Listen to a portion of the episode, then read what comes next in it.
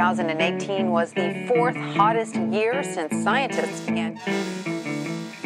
Wildfires are made worse, and wildfire season is three months longer because of climate change.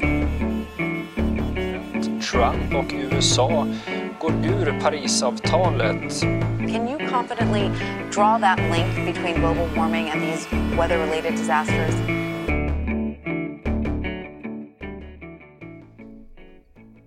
Hemskt välkomna till eh, ett till avsnitt av eh, podcasten Planet och politik. Som jag då roddar, jag heter Lorentz Tovatt och jag är energi och klimatpolitisk talesperson, eh, riksdagsledamot för Miljöpartiet. Idag så har vi ett spännande avsnitt som handlar om biologisk mångfald. Och vi har med oss Rebecca Lemoine. Hon är en spännande figur i de här sammanhangen. Hon är biolog, hon är, har en lång erfarenhet av olika typer av eh, organisationer inom miljö-Sverige. Eh, men hon är nu faktiskt min kollega i riksdagen. Hon är eh, talesperson för biologisk mångfald i Miljöpartiets riksdagsgrupp. Jag sitter alltså som ledamot tillsammans med mig.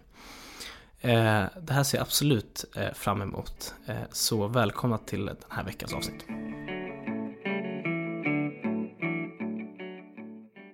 Okej Rebecka, välkommen till podden! Tack! Jättekul att ha dig med! Ja, jag visste inte att vi hade sånt här hemligt rum. Ja, på riksdagen ja. det, det kan vi liksom upplysa lyssnarna för att vi sitter alltså i, ett, i en nästan hem, hemlig studio, eller hemmasnickrad och lite hemlig. Men det ser jätteproffsigt ut. Kul att vara här. Du är ju eh, politiker, du är kollega till mig. Ja.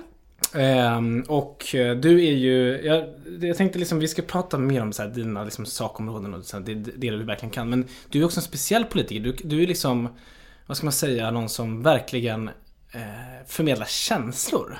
Ja men tack. jag blir lite rörd när du säger så, men vad fint. Tack säger jag, det känns som en eh, komplimang.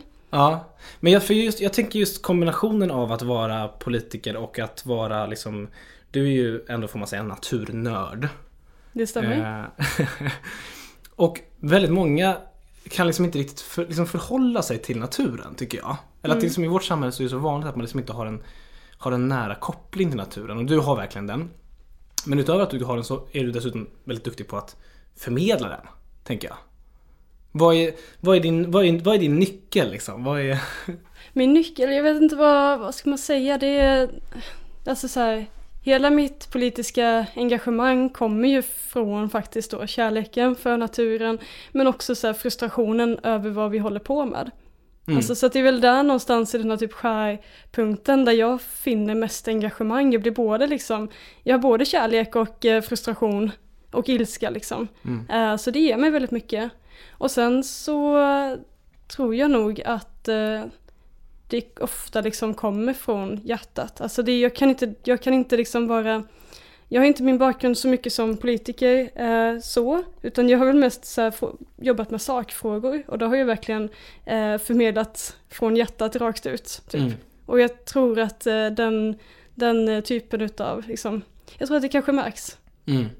Men apropå det då, din bakgrund. Så du, du, blev, du är ju biolog. Mm. Hade du, liksom, hade du eh, ett sånt här nära band till naturen? Hade du det redan innan du blev biolog? Ja, det var nog det som gjorde att jag, alltså sen när jag var väldigt, väldigt liten, eh, kanske alltså sex år eller någonting, så sa jag att jag, jag ska bli biolog när jag blir stor. Och jag visste inte riktigt vad, att vara biolog vad det var, men eh, jag hade liksom lärt mig att det var då man jobbade med naturen typ. Mm. och försökte förstå sig på naturen. Så det bestämde jag mig för när jag var liksom så här liten. Ehm, och jag växte upp i Småland med liksom naturen som mitt lekrum. Alltså vi hade en sjö, eh, det fanns, vi hade en jättestor trädgård, vi bodde i en gammal herrgård. Det fanns en skog som var liksom betad av kanske tio tjurar. Eh, det fanns allting där som är verkligen faktiskt höga naturvärden och som är fantastiskt. Och eh, jag tog det för givet och jag tyckte nog redan från början att det här är glädje och, och lycka och fint att få ha. Och jag vill också se till att andra får det, liksom dela med mig av det. Typ. Så det var det, som har, det var det som gjorde att jag bestämde mig för att eh, bli biolog. och sen blev jag faktiskt det. Och, eh, och då trodde jag väl hela tiden att eh, den här kunskapen som, om ekosystemen, om allt som finns, att det var den som saknades. Så, så naiv var jag. Ja, du, jag- du menar att liksom, det saknas en insikt i samhället generellt? Ja, och precis. politik? Ja, alltså okej. hur, kan man, hur kan man förstöra våra ekosystem? Alltså är det för att vi inte fattar? Ja, Mm. det trodde jag. Men så var det inte. Nej, Det finns andra intressen helt enkelt. ja, alltså jag kommer ihåg ganska eh, specifikt en gång eh, när jag hade pluggat. Jag var egentligen ganska skoltrött eh, på universitetet. Och så var jag så här, men lönar det sig att plugga? Är det den här kunskapen som är viktig? Att fylla ut kunskapsluckorna. Eh, och så läste jag en artikel som eh, massa olika liksom, forskare hade skrivit tillsammans från massa olika prestigeuniversitet. Och liksom så här, verkligen rytit ifrån mot politiker. Och sagt att nu måste vi sluta överfiska. Mm. Eh, Ekosystemen kollapsar om vi inte gör det. Fiskarna dör ut Mm. om vi inte gör det. Och då kände jag en så väldigt liksom inspiration och hopp. Och tyckte Mm. att yes, jo, men det, det här är helt rätt. Det är så här vi måste jobba. Och sen så läste jag publiceringsdatum 1971. och då, Jaha, det alltså var det var så länge sedan. Ah. Och vi fortsätter, det är samma frågor. Vi så, fortsätter som om inget... Vi fortsätter, det är ännu värre. Ja, alltså det är ju precis, det är vi, vi, forskarna har liksom rytit ifrån gång på gång på gång Ja. på gång på gång på gång. Och ändå så händer inte Ja. någonting. Alltså det händer inte. Och då kände jag att nej, det är inte forskningen som saknas. Alltså biologer, vi, vi, vi, vi tar fram liksom all statistik och allting men vi är ganska dåliga på att kommunicera det. Och vi är väldigt dåliga liksom, alltså kopplingen mellan kunskapen och handlingen. Mm. Eh, det finns inte den här viljan. Men du kände först att kanske det, det behövs kunskap och då ville du utbilda dig till det. Mm. Och sen kände du kanske att nej men okej, det är inte kunskapen som är det Ja. stora. Utan det är liksom beslutsfattandet. Ja. Maktutövandet. Ja. Och, då, och då sökte du till politiken helt enkelt. Eh, faktiskt inte, Nej, inte. på en gång. Eh, för att eh, jag var nog lite rädd för att ta på mig ett helt, eh, liksom, ett helt partiprogram Mm. typ. Eh, och jag var så här, men herregud, de här frågorna har, har ju inte med partifärger att göra. Utan det här är liksom sakfrågor som jag brinner för.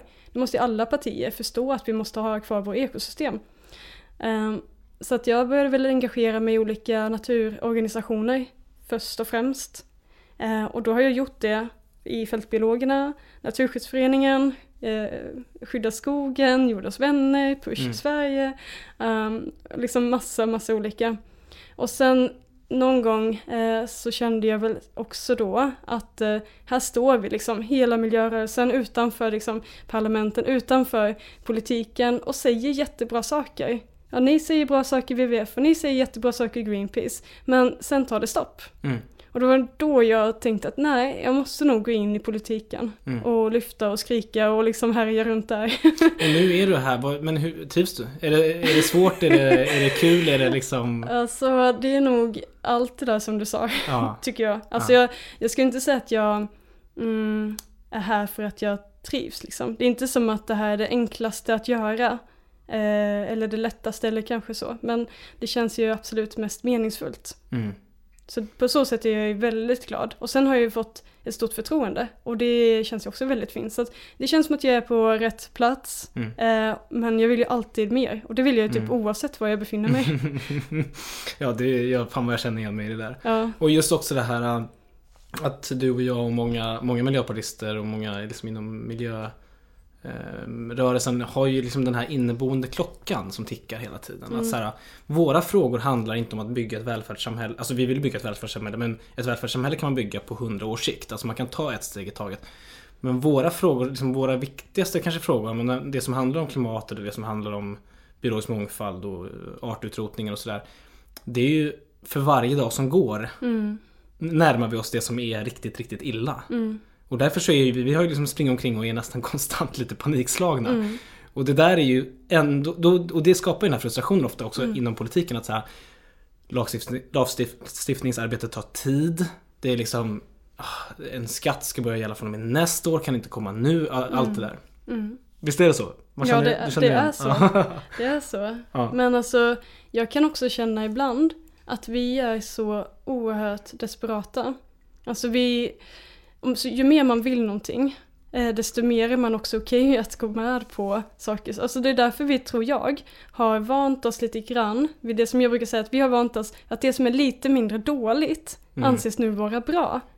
Om vi tar klimatfrågan till exempel, då borde ju, då kan vi tycka att vissa olika bränsle är olika bra. Mm. Men det. fortfarande, så fort vi förbränner så släpper vi ut. Mm, just Så det. det är fortfarande dåligt, alltså Mm. vi vet ju det, det är fortfarande dåligt att släppa ut. Men ändå så diskuterar vi och lägger ganska mycket kraft på att diskutera vilken utav de här dåliga alternativen är bäst. Mm. och det gör vi väl för att vi vill se resultat här och nu. Mm, Vi vill se någonting hända så fort som bara möjligt.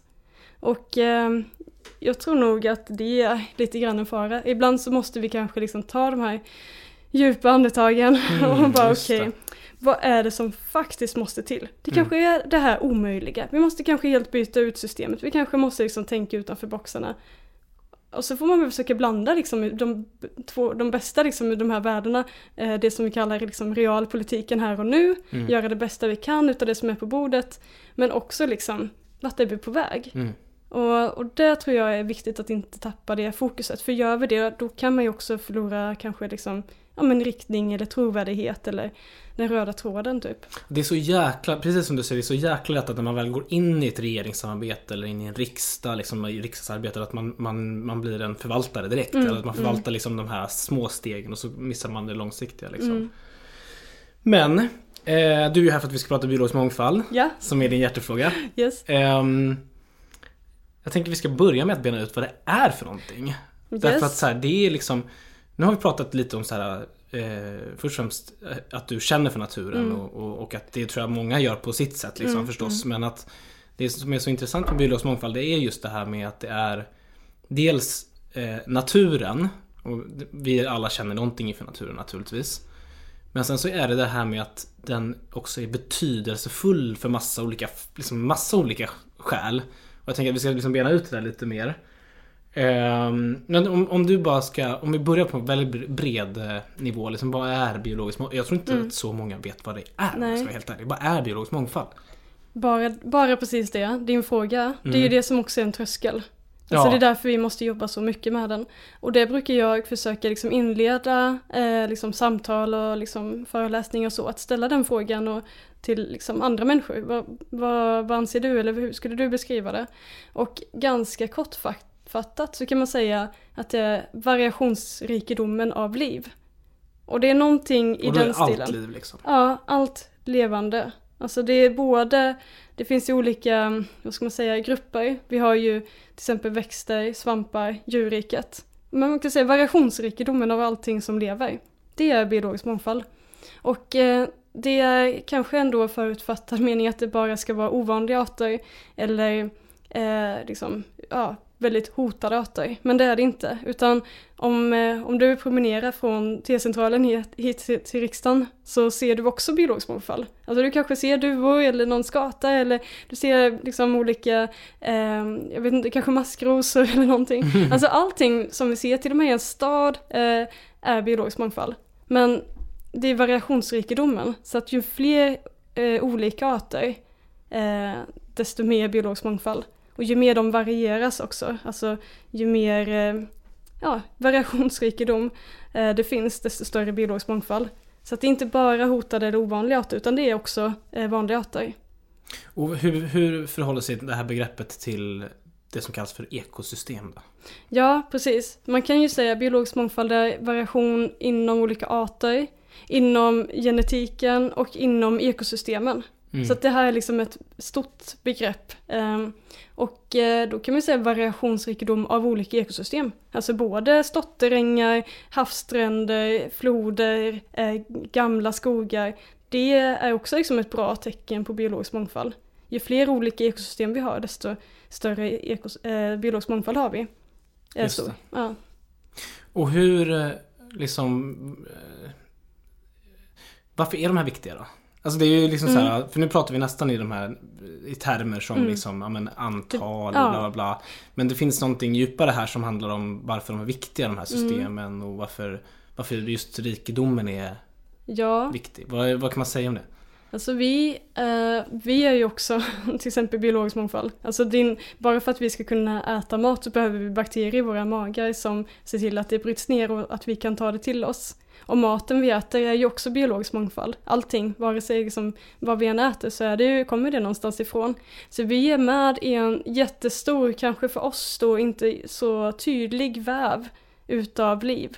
Så vi äter liv och vi har liv i oss och, och den här liksom väven är ju också våran framtida eh, försäkring för kommande liv. Både av människor eh, men av alla andra arter också. Så den här väven, eh, som den här ekologiska väven, det är beroende utav att vi har massa olika aktörer som kan göra mat på olika sätt, som kan rena luften på olika sätt, som kan, ja, alltså samspela. Och, eh, och i den väven, eh, in, eh, alltså vi är i den liksom, väven. Vi är inte bara liksom på utsidan som bara kan konsumera in till, till oss, utan vi är en del utav den. Och varför det är viktigt, ja, utan, utan den så finns det inget liv. Det är det, Mm. som, eh, det är det som skiljer liksom planeten jorden med de andra planeterna som inte är gröna och blåa. Mm. Och just det, och det här med att eh, om man tar, alltså det är lite så här.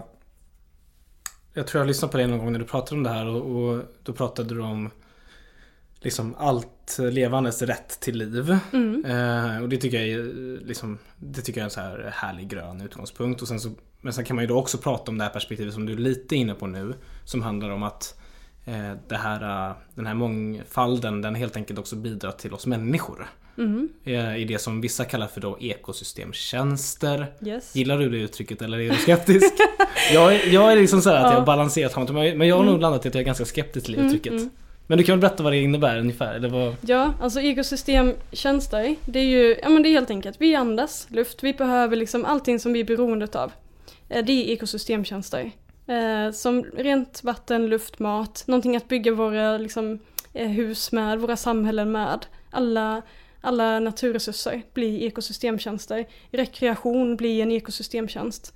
Och eh, på ett sätt kan det vara bra eftersom att vi i västvärlden i alla fall är väldigt inne på liksom att mäta saker och ting. Eh, vi har måttstockar och vi kommunicerar på det sättet. Eh, och då kan man kanske mäta ekosystemtjänster från olika arter eller ekosystem. Men på ett annat sätt så är det ju också, eh, man tar ju genast ett antropocentriskt perspektiv. Där man, Exakt. där man menar liksom att naturen är till för oss och eh, här kan vi mäta hur bra de är för våran nytta. Och det är därför som jag också, jag kan, jag är också skeptisk till det, men jag kan förstå att vi, vi kanske behöver använda oss utav det begreppet ibland för att eh, överbrygga till andra liksom, grupper eller till andra personer som inte är eh, så naturromantiska. eller vad man ska säga. Men, och det kan ju kanske vara en bra liksom, kommunikationsbrygga. Men i, eh, i mitt egna hjärta så behöver inte jag det. Mm. För jag tycker att allt som existerar har rätt till sin e- egen existens. Mm. Och, och då behöver inte jag motivera liksom, varför behöver vi just den arten? Och den där liksom den där, alltså myggor är väldigt jobbiga, ska vi inte eliminera bort dem? Och så, så börjar man liksom, sätter man upp en lista och så blir det som Noaks ark. Och, eh, men vilka är vi egentligen? Att göra den här invitation list och bestämma vilka som är rätt att leva och vilka som inte har det. Och inte bara rätt att leva utan existera. Och det är nästan någonting som blir ja, men lite heligt för mig. Existensen utav liv är eh, liksom, jag känner väldigt vördnad inför det. Mm. Det, är liksom, det ligger miljarder år bakom det. Och då Mm. känner jag att det är väldigt eh, eh, dumt att liksom sätta punkt för den här existensen. Oavsett om vi tycker en art är kanske lite jobbig att ha att göra med eller inte. Just det. Jag har tänkt ganska mycket på det där med allt liv, allt livs rätt till liv så att säga, Mm. eller vad man ska säga. Att det, det som är svårt med den, ut- jag, och jag själv liksom graviterar mot den utgångspunkten för min ideologi liksom. Men en svårighet med den är ju att människor har ju sen vi blev människor liksom fuckat upp i princip. Alltså vi har ju fuckat upp så fruktansvärt mycket ekosystem. Eh, dels har vi liksom utrotat, liksom, det, vi återkommer till artutrotningen men vi har liksom var vi än har varit så har vi utrotat, utrotat djuren vi har kommit i närheten av. Så fruktansvärda liksom, mördarmaskiner har vi varit.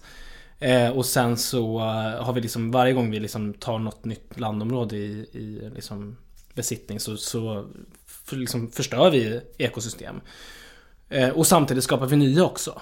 Mm. Eh, ta bara det svenska kulturlandskapet. Det, det här tänker jag att du också gärna får liksom kommentera. Men att vi har liksom byggt upp ett, eh, de, här, liksom, de här slätterna.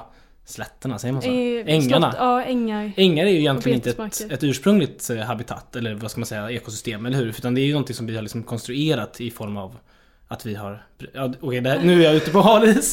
Ja, okej, men, men, Men jag kan, ja, jag kan kommentera. Men ja, ja, men, men, men, men som sagt, utgångspunkten liksom, jag, Jag tycker att det är en bra utgångspunkt men sen så är den väldigt, väldigt svår att tillämpa eftersom vi liksom har satt i system att fucka upp massa ekosystem. Mm, Och vi gör det fortfarande. Och det, eller, man- det, man ska inte ta det som ursäkt för att fortsätta göra det.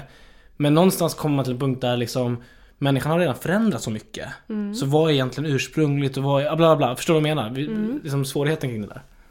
Okej, ehm, så himla spännande. Vad ska jag börja? Jo men det, jag ger det delvis rätt. Men det finns ju också faktiskt uh, urfolk som än idag lever mer i harmoni med naturen. Så jag menar det är ju också det här att vi har koloniserat och vi har liksom exporterat vårat synsätt på eh, naturen. Alltså det som har varit framgång har ju varit tanken att jag kan, därför ska jag dominera, liksom exploatera och liksom, eh, ja, föra ut och, och ta över liksom länder och deras naturresurser och lägga det under mig på något sätt. Och det har ju varit en symbol för styrka och makt och allt det där. Men det finns ju ännu eh, urfolk som fortfarande lever i harmoni med naturen. Och eh, när man tittar liksom, när man gör uppföljningar för biologisk mångfald och frågar sig hur går det med den biologiska mångfalden i, eh, på olika ställen, då är det ofta det, den land, det land som fortfarande liksom förvaltas av urfolken och deras liksom, eh, förhållningssätt.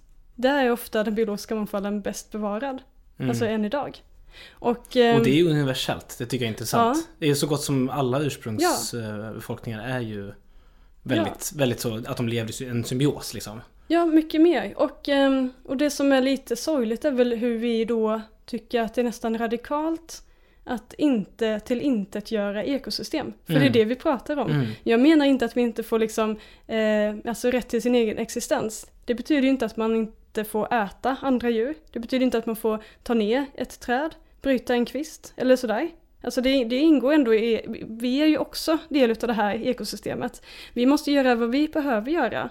Men kanske inte mycket mer än så. Vi kanske inte behöver liksom eh, förinta, liksom bottentråla, hugga ner allt. Det är Mm. det som är liksom hela min invändning. För det är då Mm. vi sätter punkt för existensen. Men kan vi jobba med naturen, med liksom, med, alltså lära oss av urfolkets sätt att förhålla sig till naturen, där naturen inte är skild från människan, människan, inte, människan är ett med naturen. Mm. Alltså vi är beroende av den, man inser det, vi kan liksom inte, ehm, vad ska man säga, det, det straffar oss i längden om vi eh, sopar ner ekosystemen och eh, tar ut mer än vad som kan ges tillbaks.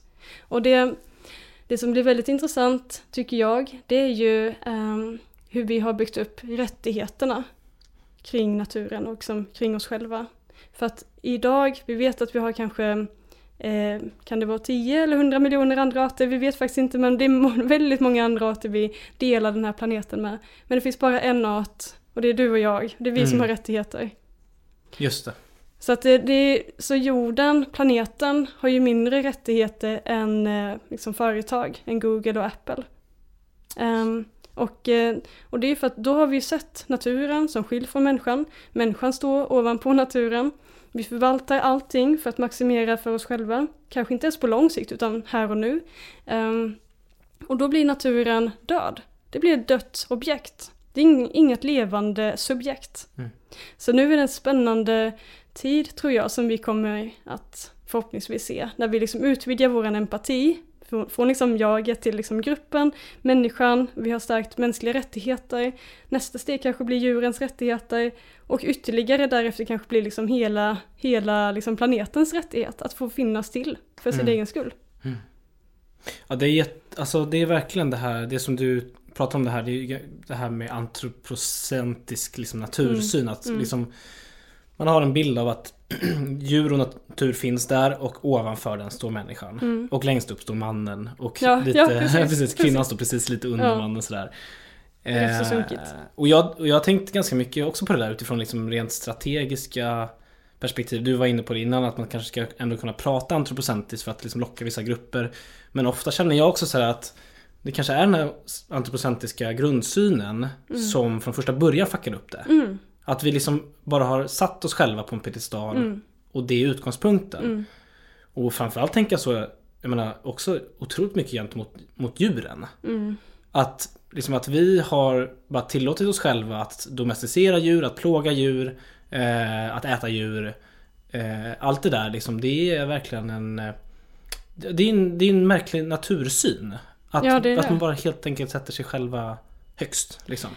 Ja precis, och nu är det ju inte, alltså det har man kanske gjort också under lång tid. Och jag är ju, alltså jag kan väl förstå och, eh, alltså så här, om man äter för att man själv måste leva. Mm. Det är liksom, det är naturligt. Mm. Men vad vi gör nu i de här liksom stora industriella, liksom, vi, har, vi använder djur, vi ser djur som enheter. Eh, det, djur är inte ens erkända internationellt som varelser. Utan Mm. djur är fortfarande saker. Mm. Och det var ju så, alltså vi har ju, mänskligheten har ju också en, en ganska tragisk historia med slaveriet. Mm. Slavar var ju inte människor, Mm. utan det var saker man ägde. Ehm, så att det vi, det vi har nu finns ju verkligen ingen ursäkt för tycker jag. Alltså hur vi behandlar, eh, alltså med våra djurindustrier. Mm.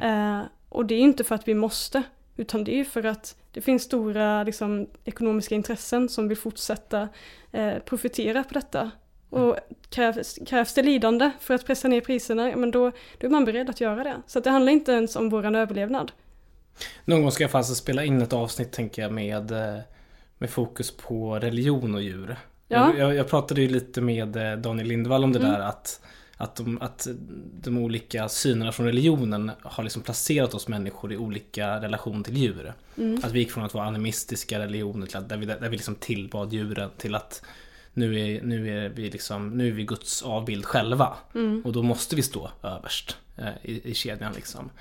Eh, och sen så är det förstås, jag menar, dels är det de klassiska religionerna men även de nya religionerna, det vill säga ideologierna. Jag menar, Mm. det finns ju ingen ideologi som är så besatt vid att sätta människan i centrum som liberalismen. Att liksom hela liberalismens grundidé är människans okränkbarhet, eller den enskilda individens okränkbarhet. Mm. Och då måste det ju vara så att människan står över allt annat. Det är liksom så... eh, Det är liksom bara en, liksom en, en, nästan en extrem variant av liksom de abra, abrahamitiska religion, religionerna. Att liksom människan är så okränkbar i relation till allt annat. Ehm, ja, men det Men- borde ha ett eget avsnitt om. Ja, men undrar, ja, man kan ju, jag känner väl så här ibland att jag längtar ju till någonting helt annat. Och jag, Ja, ja, undrar, ja, jag undrar ju vad som händer eh, om, om det blir så att vi tar den vägen. Alltså jag tänker så här, corona kanske är någonting som får oss att eh, reflektera ännu mer Mm. över vilket, alltså hur vi eh, behandlar djuren, naturen. Det är ju det som har, det som har lett till corona.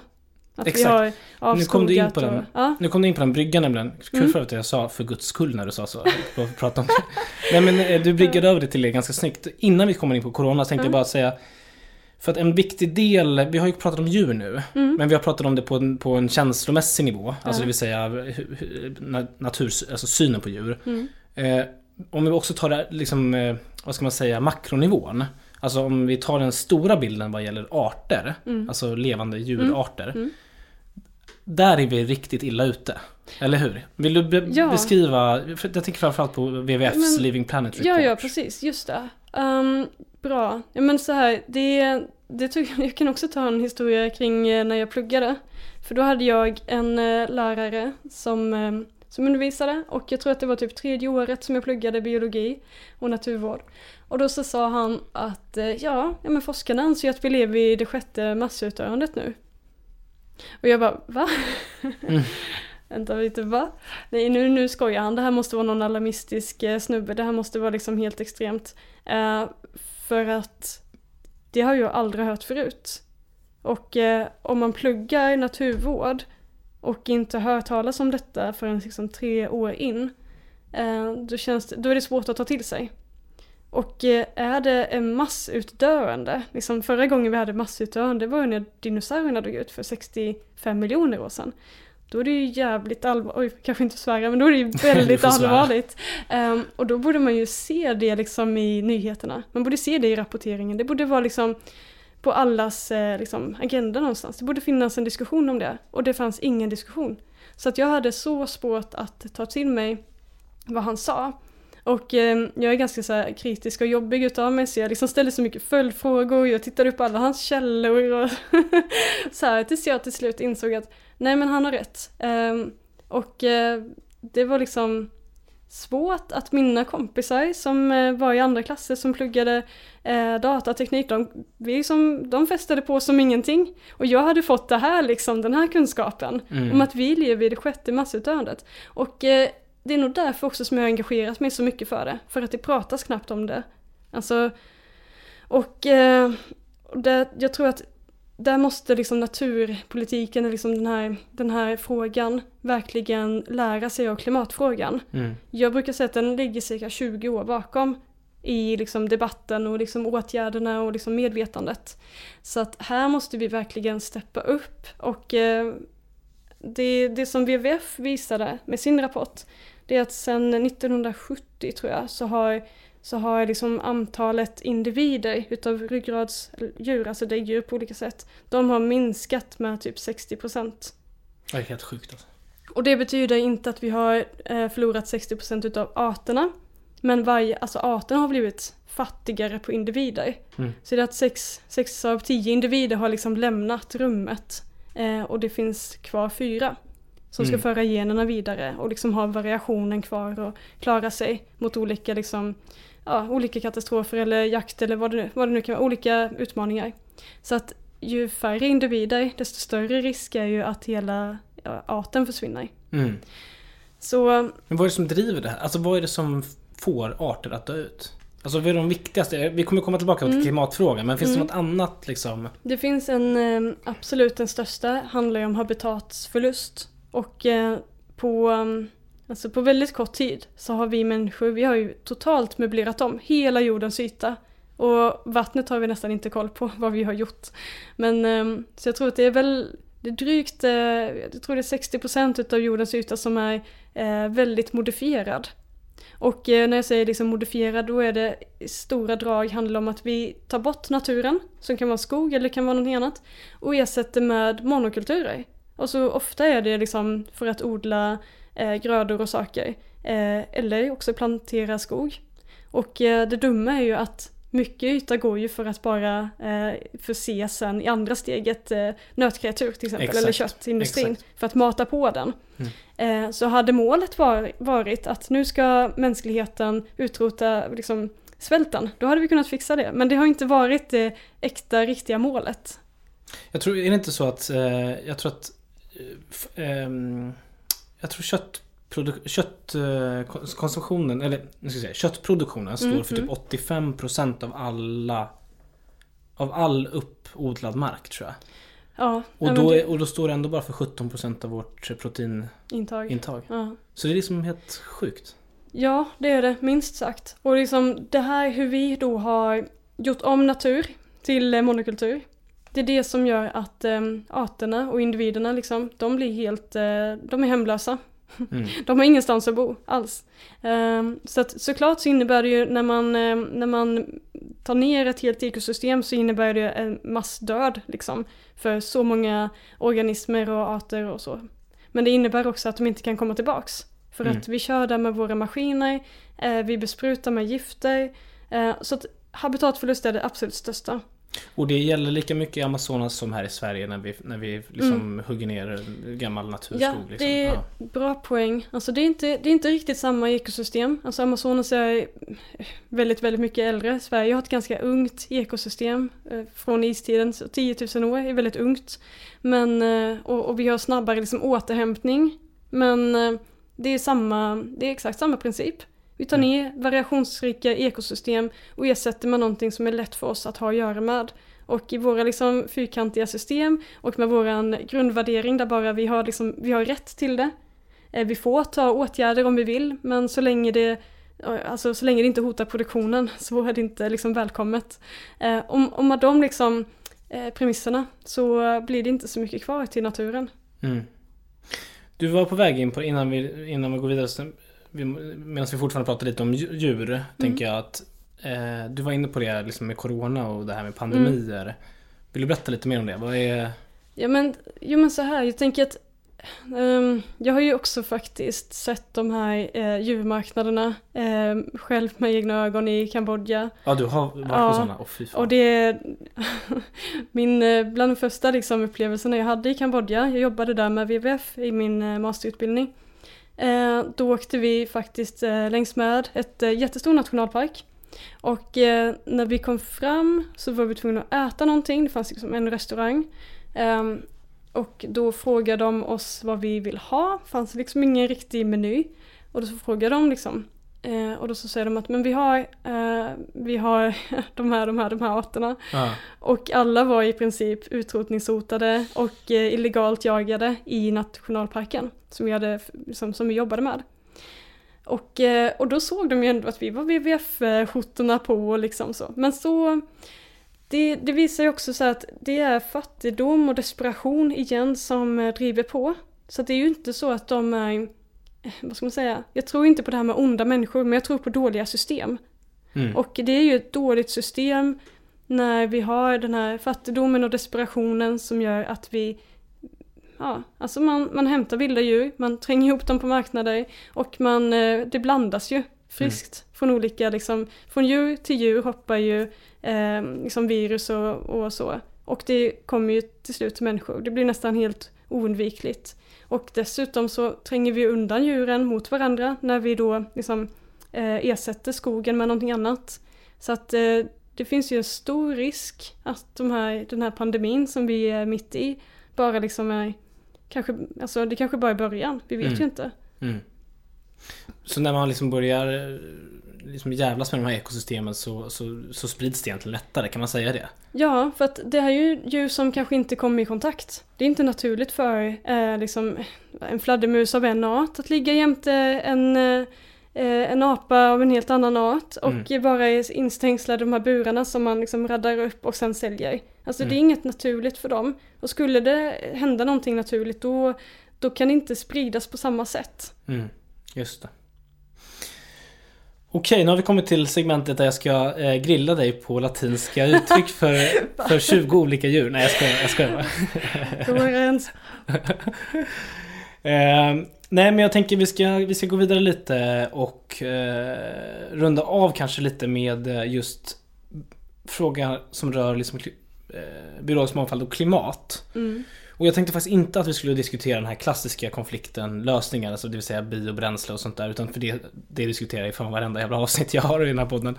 Höll jag på att säga. Men däremot, ehm, eh, för det första. Mm. Hur stort hot för den biologiska mångfalden eh, är klimatet? Och för det andra, naturbaserade klimatlösningar. De två frågorna tänkte jag vi ska prata om. Ja. Och det första tänker jag, men liksom så här, när planeten värms upp, ja men då sabbas väl ekosystem? Har du liksom, vill du berätta, någonting om det, om det temat? Liksom? Mm. Alltså vi, ehm, så är det ju absolut. Ehm, Allting har ju, all, allt liv har ju liksom eh, på något sätt någon koppling till både väder, vind och årstid liksom. Eh, Och klimat. Så att eh, många arter regleras ju utifrån detta. Så de, ehm, eh, Eh, de, eh, ja, det kan vara liksom, det reglerar när de eh, går upp för parning, det kan reglera när de eh, ehm, vandrar eller förflyttar sig eller går i blom. Och allt detta håller ju på att rubbas. Så att eh, hittills har det inte varit kanske den mest, alltså eh, det största hotet. Inte det direkta, men det kommer bli det liksom indirekta.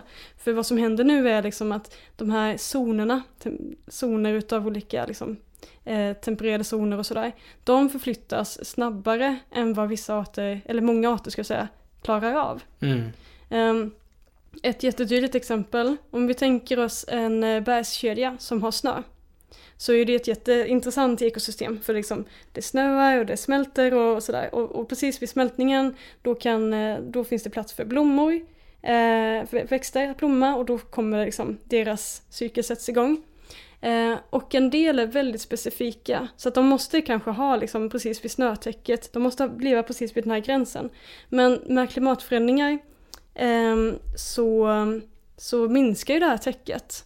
Och många arter som är beroende av att det finns snö till exempel, eh, så, de försöker klättra upp i samma takt. Mm. Men det finns ju en gräns, för, för berget är bara x antal meter högt. Mm. Så att någon gång snart liksom så kommer det här vara helt utan snö. Och många arter eh, kan inte liksom komma högre upp. Mm. Och eh, i Himalaya så finns det många medicinalväxter som många folk eh, har varit beroende utav i liksom forever verkligen. Eh, och eh, så de, de kommer inte kunna få sin medicin. Mm. Det är deras medicinskåp som håller på att utraderas på sikt här.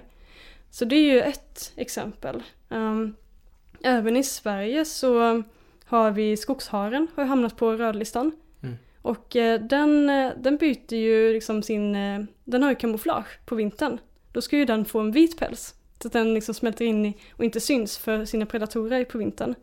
Men när vi inte har snö längre på vintrarna, då sticker ju den ut. Då blir den världens lättaste byte för rävarna. Mm. Och då klarar sig den andra haren, alltså eh, fältharen, den byter inte sin färg. Så den är ju fortfarande liksom, eh, alltså typ brun. Mm. Så den blir svårare att upptäcka. Så att Mm. räven kommer ju sna- snabbare och lättare se eh, skogsharen. Just det. Så det är också ett väldigt tydligt exempel. Och det här kommer ju bara liksom fortsätta. Det finns många fler men... eh, Och vissa, vissa, eh, menar, nu nämner du några arter som är jättebra exempel, men eh, sen så finns det väl också dessutom så här hela ekosystem som riskeras. Jag tänker Mm, på korallrev. korallrev. korallreven, Ja, liksom helt en uppenbar sån sak. Och jag menar Amazonas, Amazon, Amazonas självt Mm. riskerar ju att försvinna helt om, om man liksom fortsätter att elda och, och Mm. hugga ner. ja, Därför att då, då blir det så att om, när det blir va- varmare så sprider sig andra ekosystem lättare och liksom tar över och sådana här saker. Alltså det är, ja, så när man pratar om de här sakerna så är det ju extremt stort och Mm. det lämnar ju lätt en eh, klump i magen tycker Mm. jag. Mm. För det är ju så, de här sakerna ehm, blir ju svåra liksom, det finns ju tipping points. Och efter det så skulle det krävas väldigt mycket, eller nästan helt omöjligt att eh, vrida tillbaks. Ehm, men det är väl också det som jag, om jag får säga någonting positivt, det är ju Mm. att Jag alltså, tänkte va- nästan fråga om det Ja, till slut, precis, jag ja, men- ha det. Ja.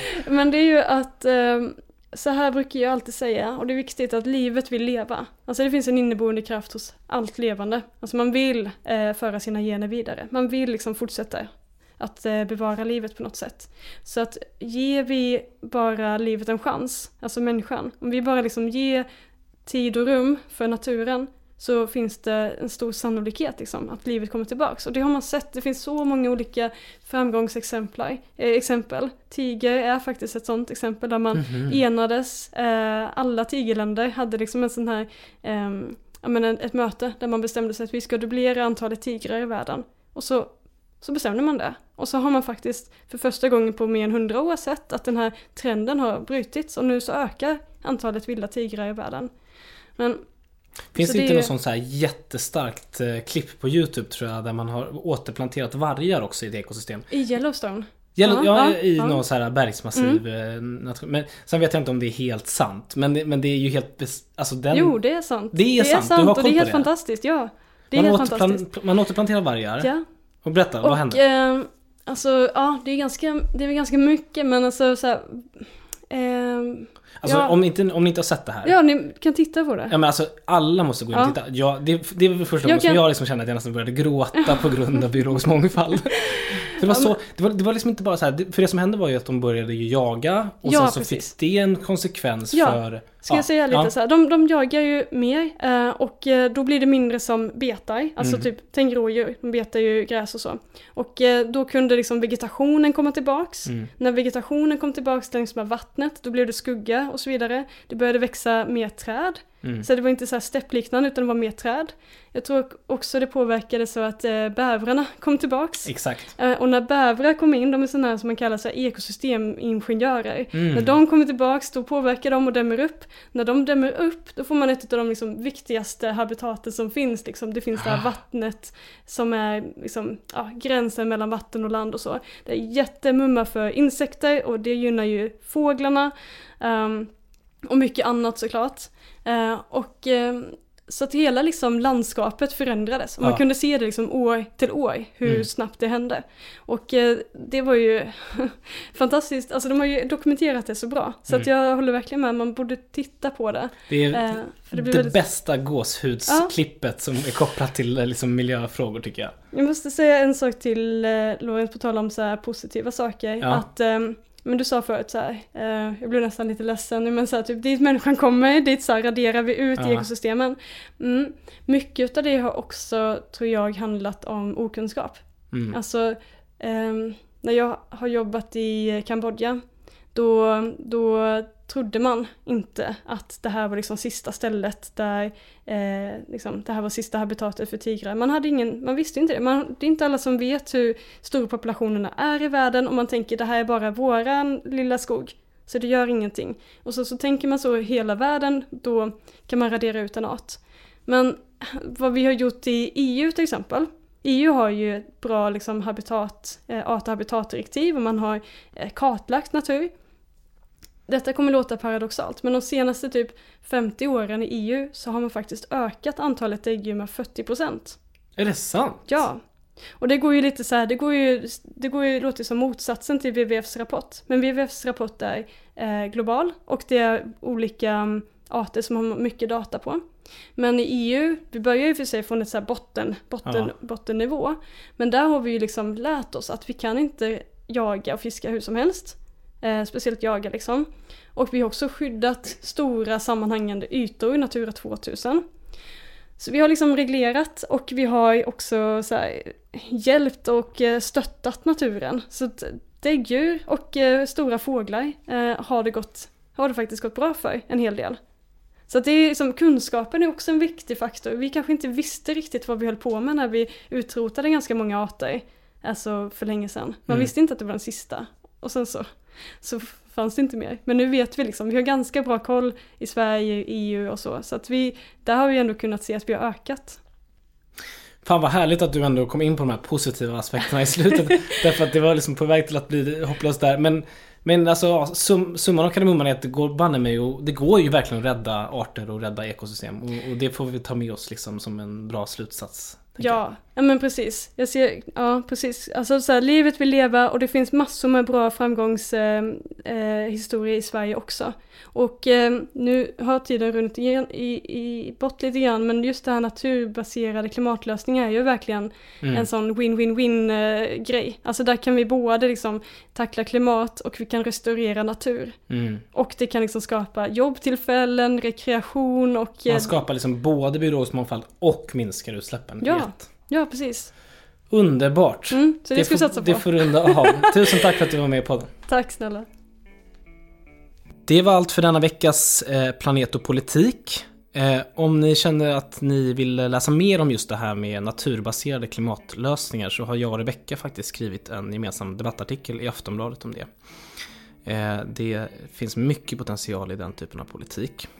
Inte minst våtmarker. Fan vad man har snöat in på våtmarker. Det är en helt fantastisk grej helt enkelt. Eh, ur alla perspektiv.